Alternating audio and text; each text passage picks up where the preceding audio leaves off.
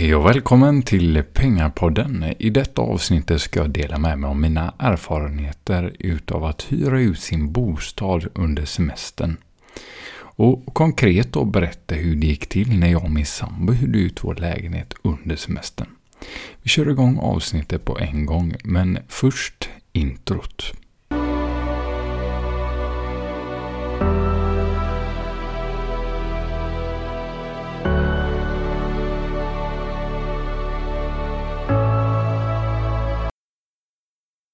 Jag och min sambo hyrde ut vår lägenhet via plattformen Airbnb.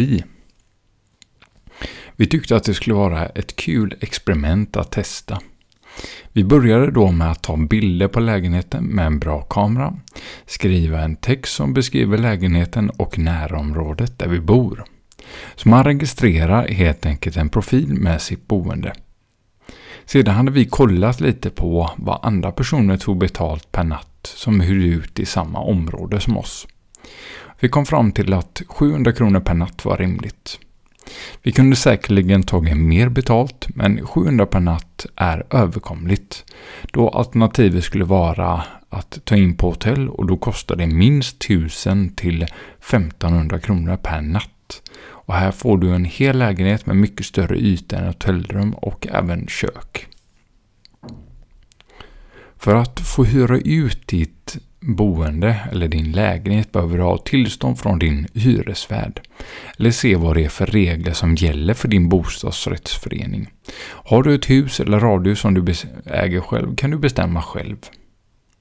Detta med att hyra ut sitt boende till andra främlingar det passar definitivt inte alla. Jag var själv lite nervös i början. Eh, det är så mycket som går fel tänker man. Och Det kostar alltså inget då att registrera sig på Airbnb så jag tänkte att vi kan ändå testa. Men däremot tar de ut en liten avgift när du hyr ut ditt boende.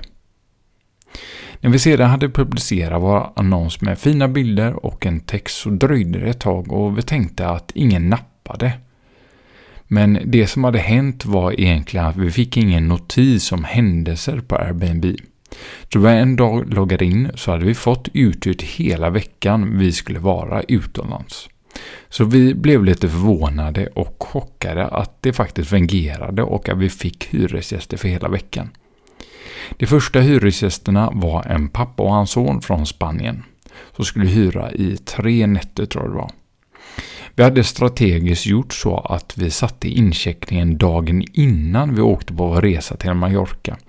Så att vi skulle kunna ta emot gästerna och visa dem runt utan att behöva känna stress över att vi måste skynda oss till flyget. Så dagen innan resan sov vi hos mina föräldrar som snällt lät oss sova över där. Det började med att gästerna kom cirka en timme efter de hade sagt, alltså en timme efter vi hade bestämt. Men när de väl var på plats så visade vi dem runt i lägenheten och vi hade även skrivit i annonsen att vi lånade ut två cyklar. Cyklarna är gamla men helt klart fungerande. Så jag tror att det var delvis därför de nappade. Vi kanske inte hade det lägsta priset, men vi erbjöd verkligen mervärde för våra gäster att de fick låna cyklarna och så vidare. Och det var säkerligen avgörande i detta fallet och de var mycket nöjda med att de fick låna cyklarna och var väldigt nöjda med vistelsen. Vilket var väldigt roligt och de skötte sig exemplariskt. Så det var verkligen en bra första upplevelse. Den andra gästen var en familj med ett litet barn. Och de skulle anlända när vi var på resa på Mallorca. Så min svåger fick hjälpa till med att byta lakan, städa lite och plocka undan. Vilket vi är väldigt tacksamma för, jag och min sambo. När de nya gästerna skulle anlända så fick min svärmor rycka ut och överlämna nyckeln, möta upp och visa gästerna runt och plocka undan en del saker. Så det var väldigt snällt av dem att ställa upp när vi inte var hemma och hjälpa oss med detta. Så allt flöt egentligen på väldigt bra. Eh, det är självklart lite jobbigt då att inte vara hemma och inte ha full kontroll över läget. Men jag skulle säga att allt flöt på väldigt bra och och, eh, så helhetsupplevelsen blev faktiskt väldigt bra. Och jag och min sambo gjorde så då att vi plockade undan en del värdesaker och personliga tillhörigheter och förvarade lite saker på vinden och vissa saker hos mina föräldrar. Så allt som allt fungerade bra. Det var faktiskt eh, rätt kul och spännande att testa Airbnb. Och det finns vissa regler kring om saker går sönder eller saker försvinner under vistelsen. Då kommer du behöva skicka in dokumentation till Airbnb med eventuella kvitton som visar vad åtgärderna kostade som du eventuellt då hade behövt göra om något har gått sönder eller liknande.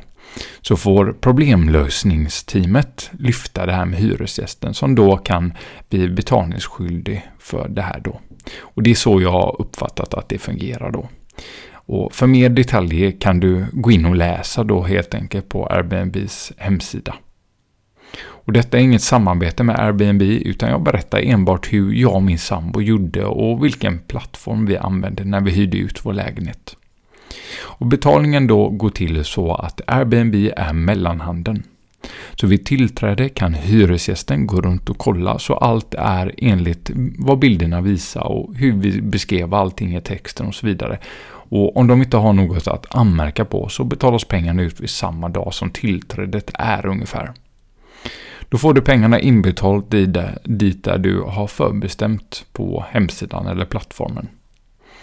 Och jag och min sambo då fick in drygt 4100 kronor under vår semester, vilket ändå får anses som väldigt bra betalt för drygt sex nätter.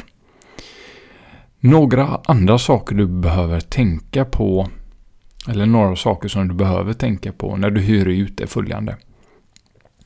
Du behöver alltså fråga dig själv om detta är något för dig. Det är många som inte vill hyra ut sin eh, privata bostad till främlingar och det förstår jag verkligen. Sedan måste du kolla om du bor i hyresrätt eller bostadsrätt för att se om du överhuvudtaget får hyra ut ditt boende. Och se över vad som gäller för just dig där. Var även noga med att verkligen sätta ut rätt datum du ska hyra ut och blockera resterande datum. Bokar någon ditt boende och du tvingas avboka kan du bli tvungen att betala 500 kronor i avbokningsavgift, vilket är onödigt. Så var verkligen säker på att du väljer rätt datum att hyra ut när du ska åka iväg eller vad du ska göra. Och sedan blockera resterande datum. En liten rolig sak där var att under vår semester så var det en som ville boka ett år fram i tiden. Vi blev jätteförvånade, vi trodde att personen hade bokat fel.